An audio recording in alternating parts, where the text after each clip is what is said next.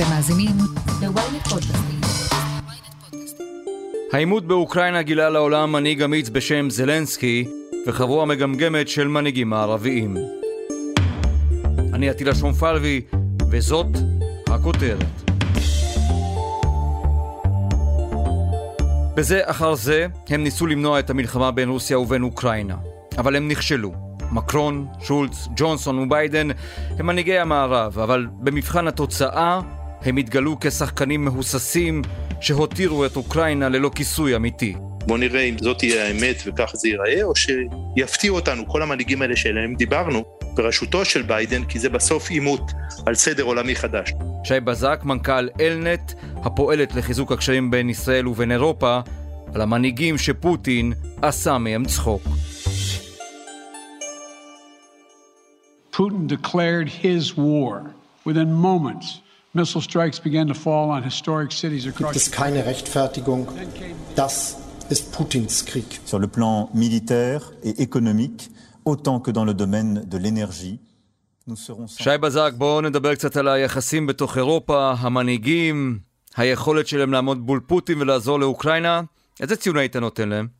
פה אנחנו צריכים לראות, כי אנחנו נוטים לשפוט נורא מהר על פי היומיים שלושה האחרונים, ואני חושב שעוד לא ראינו שום דבר. אני חושב שהם כולם מגששים את דרכם ומנסים להבין איפה הם עומדים, איפה המדינות שלהם עומדות ואיפה העולם עומד. אבל אנחנו נמצאים מבחינת אה, כולם בשעה מסובכת, לא רק בגלל אוקראינה, אלא בגלל העניינים הפנימיים שלהם ואיפה הם רואים את עצמם בעולם הזה. השאלה היא, כשמסתכלים על היחסים של רוסיה, פוטין, עם ברית נאט"ו, מה אנחנו צריכים לדעת? מה אנחנו צריכים לזכור? מה, מה שם נקודת החולשה או התורפה ביחסים האלה? אז ככה, נאט"ו הלכה ונחלשה בשנים האחרונות, כי האמת שלא ראו בה הרבה טעם יותר. מדינות אירופה הן מדינות חלשות צבאית, יחסית. הן לא משקיעות הרבה במוצרים הביטחוניים שלהם, בתקציב הביטחון שלהם, הן לא רואות את עצמן מאוימות יותר מדי, פונות לנתיבים אחרים, כלכליים, גם מבחינה מסחרית כמובן, אבל גם מבחינה אה, מוסרית. נטייה שהכל יכול להיפתר בסנקציות או בדיבורים, וככה הגענו למצב הזה, כשאירופה מתעסקת יותר בפוליטיקלי קורקט, שזה דבר טוב, כן, כולנו אוהבים את זה, אבל אה, כשזה מגיע להתמודד מול בריון כמו אה, פוטין, מסתבר שלא מספיק אה, להתנהג יפה או להגיד לו אה, נו נו נו. At the G7 meeting this afternoon, we agreed to work in unity to maximize the economic price that Putin will pay for his aggression. And this must include ending Europe's collective dependence on Russian oil and gas. מוצאים את עצמם בטריטוריה לא מוכרת להם כבר הרבה שנים, מאז המלחמה הקרה, לא היה אה, איום צבאי כזה עליהם, ישירות, שבו הם צריכים להתמודד לא באמצעים של הצבעות באיחוד האירופי. עכשיו אנחנו צריכים להסתכל על אירופה של היום.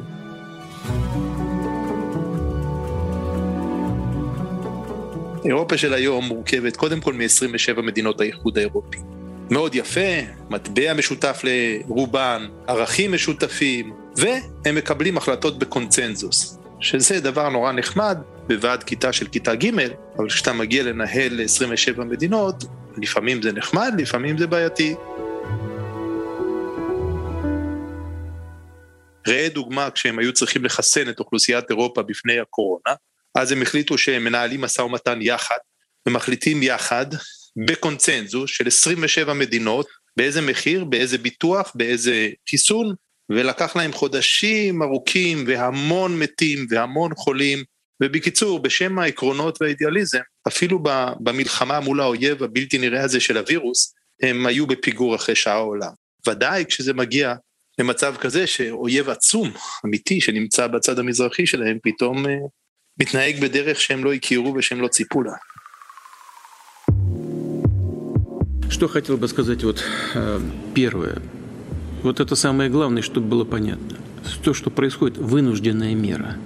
Мы точно знаем, нам не нужна война, не холодная, не горячая, не гибридная. Но если на нас будут... פוטין הוא פוטין, זלנסקי הוא זלנסקי, והוא מתברר כמנהיג ואפילו כאישיות, אבל כשמביטים לעבר המערב קשה למצוא איזה כוכב גדול. שמע, לא ביידן, אפילו לא בוריס ג'ונסון, מקרון בוודאי לא, שולץ. בואו נדבר קצת על, ה... על הדמויות האלה. נתחיל עם מקרון. Je veux vous dire ma détermination à vous protéger sans relâche. איפה הוא כשל? מקרון עומד בפני בחירות. בעוד אה, חודש וקצת, ובתחילת אה, אפריל, יש סיבוב ראשון לבחירות לנשיאות, ואחר כך סיבוב שני בבחירות לנשיאות. מקרון פופולרי במדינה שלו. ככה לפחות הדברים נראו עד השבוע שעבר, עד לפני שפרצה המהומה. אנחנו לא יודעים איך הוא יצא ממנה, אם הוא יצא ממנה חזק יותר או פחות, אבל כמו שאנחנו מכירים בדמוקרטיות, הזמן לפני בחירות הוא זמן מאוד רגיש. כרגע הוא עדיין מוביל בסקרים, אבל כשהוא בא להתמודד מול פוטין היום, כמו כל מנהיג דמוקרטי, הוא לא יכול להשתחרר מהעובדה שהוא נמצא באמצע קמפיין בחירות, והוא רץ לנשיאות, והוא רוצה לנצח, וכל מילה שלו וכל אמירה שלו, הוא לא משוחרר מזה. אז הוא ניסה ללכת ולצייר את עצמו כמנהיג, וללכת לפוטין ולתווך בינו לבין ביידן, ולומר, אה, אה, הנה, אני אצליח לפתור את המהומה הזאת, וחזר כלעומת שבא עם אה, זנב בין הרגליים, כי פוטין התעלל בו כמו שהתעלל בשאר מנהיגי אירופה, הוא לא הצליח להביא את הסחורה. זה לא, לא נורא, כן, כי אף אחד אחר לא הצליח, לא היה ציפיות גדולות, אבל הוא ניסה קצת להתרומם, הוא לא המנהיג של אירופה. The people of the United Kingdom stand with our Ukrainian brothers and sisters in the face of this unjustifiable assault on your homeland. We salute. אם אנחנו הולכים לבוריס ג'ונסון, שנמצא בצרות צרורות במפלגה שלו, וזה בגלל קשה להאמין כשאנחנו מדברים על מלחמה כזאת ועל חיים שמוטלים על הכף, אבל הצרות הכי גדולות שלו באות מזה שבזמן הסגרים של הקורונה היו התכנסויות אצלו בבית ראש הממשלה, הוא היה נוכח במסיבות כאלו ואחרות, והאנגלים בדרכם הכן מלומדת החליטו שזה כמובן לא בסדר, ועשו מזה חקירות, כל יום שערוריות, וזה הכותרות הראשיות, אני משווה אותן לכותרות הראשיות של השבוע.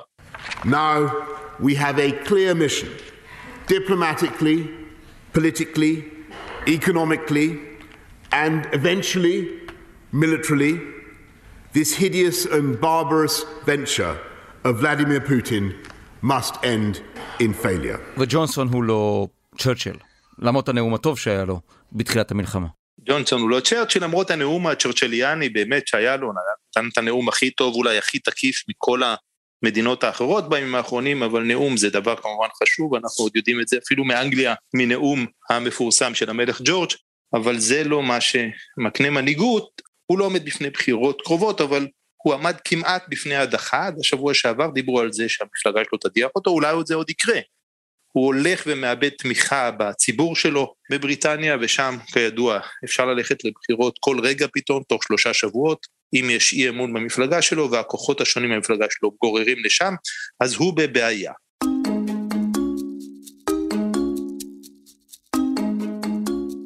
Heute ist ein furchtbarer Tag für die Ukraine und ein düsterer Tag für Europa.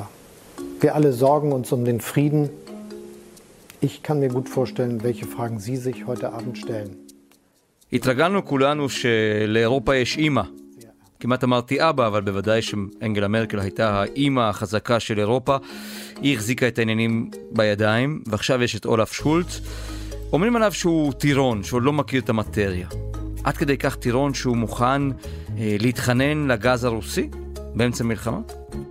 זה, גרמניה היא באמת המדינה הכי חזקה באירופה. 85 מיליון איש, לעומת 65 אה, באנגליה, 63 בצרפת, 60 וקצת באיטליה, אלה המדינות הגדולות באמת. ובגרמניה, כמו שאמרת, הקנצלרית אנגלה מרקל, 16 שנה בשלטון, בעוצמה בלתי רגילה, מנווטת בין משברי ההגירה למשברים הכלכליים, וזוכה בפופולריות עצומה ופרשה מרצונה, ובבחירות האחרונות זכה אולף שולט, שהיה שר האוצר שלה ממפלגה אחרת, לא המפלגה שלה, אבל גם כן מפלגת מרכז.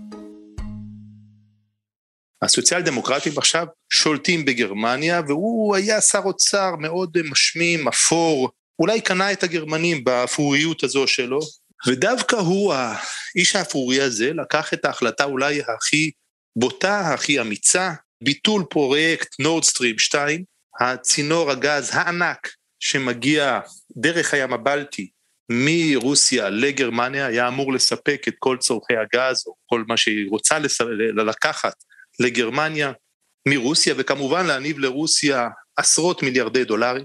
הצינור הזה עלה עד עכשיו כבר למעלה מעשרה מיליארד דולר. זו הוצאה ענקית לכולם ולהפסיק אותו באמצע החורף, כש-40% מהגז של אה, גרמניה מגיע מרוסיה, דרך הצינור הדרומי היום שעובר דרך אוקראינה, אחת הסיבות לפרוץ המהומה הנוכחית, שרוסיה משלמת עליו לאוקראינה תמלוגים כל הזמן על, על הגז שזורם בשטחה, אבל עדיין מרוויחה ממנו המון כסף. הפתרון היה אמור להיות הצינור הגדול הזה בצפון, והוא פשוט הודיע על ביטולו באבחה אחת, זה, זה, צריך להבין, זה, זה עצום. הבתים הגרמנים כולם מוסקים בגז, וכשחלק עצום מהגז שלהם מגיע מרוסיה, הם לא יכולים עכשיו לשבת בקור, הם צריכים לחפש אלטרנטיבות. זה לא פשוט, המחיר הולך מאוד לעלות, ועל זה דיבר בדיוק דימיטרי מדוודב, שהיה נשיא וראש ממשלת אה, רוסיה, שאמר בוא נראה את הגרמנים עכשיו משלמים אה, אלפיים יורו לכמות הגז אה, במקום אלף שזה עולה היום, נראה אותם מסתדרים עם זה אחרי ההחלטה שלהם, אבל זה מאוד כואב לרוסים. מיד נמשיך עם הכותרת, אבל לפני כן יש לנו משהו לספר לכם. שלום, אני עופר שלח. במדינה בה יש פודקאסט לכל אזרח ואייפון לכל ילד, מישהו צריך לדבר על מה שחשוב לנו, האזרחים. אנחנו בכל פרק נשוחח עם דמות בחירה אחרת על סדר היום העתידי של מדינת ישראל, שזו דרך יפה להגיד שנדבר על כל מה שחשוב שהפוליטיקה תעשה בשבילנו, והיא לא תמיד עושה. אז תעקבו אחרי האמת היא בוויינט, ספוטיפיי או באפליקציית הפודקאסטים שלכם. תבואו, יהיה מעניין. האמת היא, עם עופר שלח. עם עופר שלח.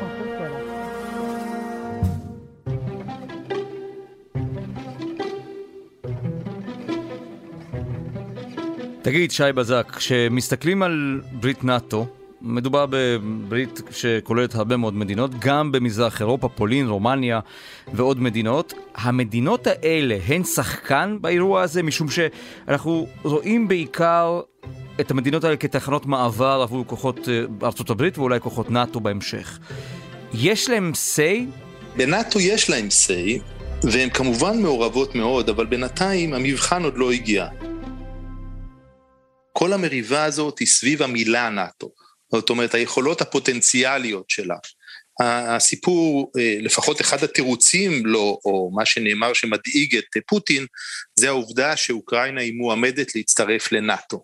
שביחד הם אמורים היו להתגונן בזמנו מול ברית ורשה של רוסיה, וכיום יש ביניהם ברית, הפאקט הזה אומר שהם מגינים אחד על השני. לא משנה מה, אם יש סכנה ביטחונית, כולם מתגייסים. וכרגע מדברים על הצטרפות אולי של פינלנד ושל אה, אסטוניה ולברית נאט"ו, שזה ממש יושב על הגבול של אה, רוסיה מצפון, כמין צעדי אה, תגמול לרוסיה על מה שהיא עושה לאוקראינה, אבל בינתיים זה רק מילים. הנאט"ו הזה, קודם כל הולך מאוד להתחזק, כי הם מבינים שיש להם אויב משותף, כמו שהיה בעבר, מה שהם כבר לא האמינו שקורה ולכן הידלדלה החשיבות של נאט"ו, הם הולכים לעמוד עכשיו מול אויב משותף, והמבחן שהם הולכים לעמוד בו יכול להיות, פה יהיה העניין, כי אם אה, יחליט אה, פוטין שהוא פולש למדינה שבנאט"ו, זאת אומרת, אחת מהבלטיות הקטנות, ליטא, לטביה, אסטוניה, מדינות שהאוכלוסייה שלהם היא בין אה, מיליון לשני מיליון איש כל אחת, יושבות מצפון לבלארוס,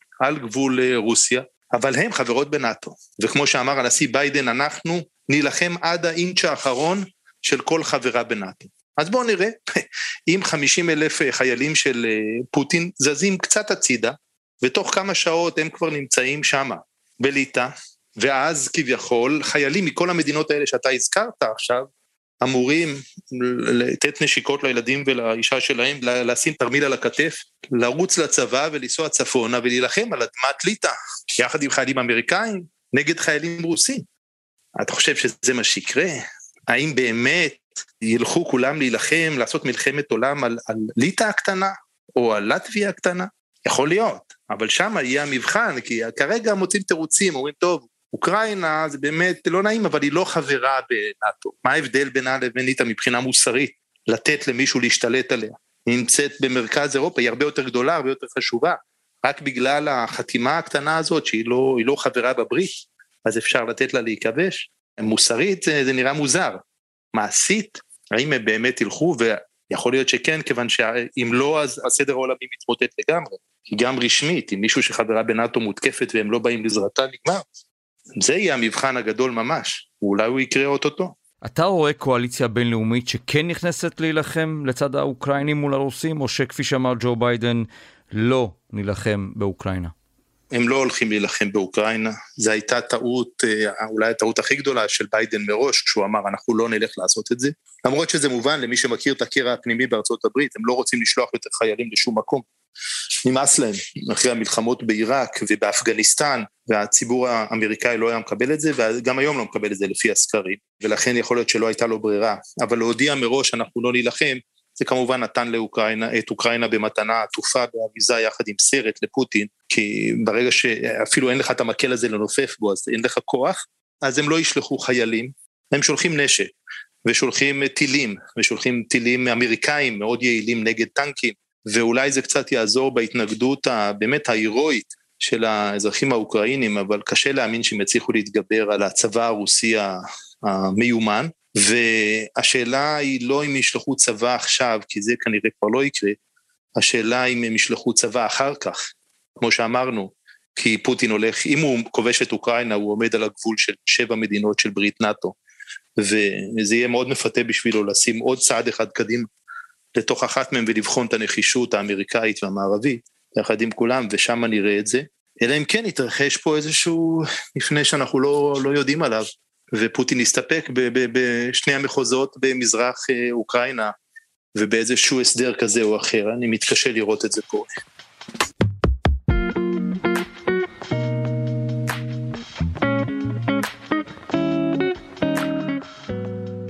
Putin is the aggressor.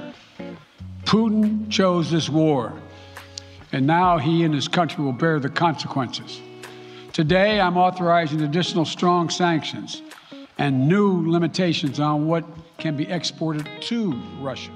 אי אפשר לסיים פרק כזה בלי לדבר על המנהיג, מנהיג העולם החופשי, ג'ו ביידן, שלפחות בשלב זה נראה חיוור, מהוסס, לא מספיק עוצמתי, ובטח ככזה שאומרים עליו שהוא הפקיר את אוקראינה. מה הסיפור שם?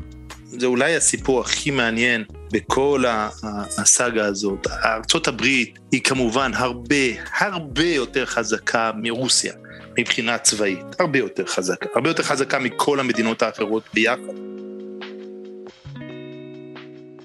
ג'ו ביידן נמצא במצב בלתי אפשרי מבחינתו, הוא הצליח לנצח את טראמפ, שבאמת היה אישיות מוזרה לחלוטין ואחרת מכל מה שהעולם מכיר, אבל הניצחון הזה שלו לא הביא לו את אה, מלוא אהבתו, כי הוא נשאר על רוב מאוד מאוד קטן בקונגרס האמריקאי. והרוב הזה הוא הולך לאבד אותו בנובמבר הקרוב, בבחירות האמצע, זה באופן כמעט בטוח, כן, עד כמה שאפשר לנבא בחירות, לפי כל התחזיות. לכן, הוא לא יכול היה להגשים אף אחת מהתוכניות הגדולות שהיו לו אחרי הבחירות, ואז הוא נראה נורא חלש בארצות הברית, ואז הוא מאבד עוד יותר כוח. ואז עוד יותר קשה לו להשיג אה, מטרות. עכשיו, משבר כזה זה הזדמנות בשבילו. אם הוא ידע לנהל אותו כמו שצריך, אם הוא יהיה מאוד חזק, זה יכול להיות ההזדמנות שלו לצאת מזה ולהתראות כמנהיג העולם החופשי. ולארצות הברית יש המון כלים לעשות את זה, ועכשיו צריך לראות האם הוא מהסס, ואם הוא מצליח לשכנע את כל בעלות הברית שלו לעבוד יחד ולעשות אה, אה, סנקציות בתחום האנרגיה שהן הסנקציות הכי חריפות והכי כואבות לרוסיה ולעצור את הספינות הרוסיות בימי העולם ולעשות סנקציות, אה, החליטו כבר אה, עכשיו לעשות סנקציות אישיות על פוטין ועל חבריו האוליגרכים הגדולים שבסוף הוא צריך את תמיכתם והם מאבדים עכשיו המון כסף כל יום. ואולי, אתה יודע, יחד הוא פתאום ייראה כמנהיג אמנם המבוגר אבל המאוד מנוסה והחכם שחיכו לו, או כמה שמציגים אותו בכל הקריקטורות והסרטים באינטרנט שרואים את פוטין החזק רץ, רוכב, מדלג, יורה, ואת ביידן אה, כושל במדרגות ונרדם כמו מין אה, אדם זקן. זה כרגע טוב לבדיחות, אבל בואו נראה אם זאת תהיה האמת וככה זה ייראה, או שיפתיעו אותנו כל המנהיגים האלה שעליהם דיברנו, בראשותו של ביידן, כי זה בסוף עימות על סדר עולמי חדש, לא על אוקראינה, בין רוסיה הברית, איך מי ינהיג את העולם, איך זה ייראה, ואולי זה ישתנה, בואו נראה. שי בזק, מנכ"ל אלנט, אני מאוד מודה לך. תודה רבה, אטילה. עד כאן הכותרת להפעם. אתם מוזמנים לעקוב אחרינו בוויינט או באפליקציות הפודקאסטים האהובות עליכם.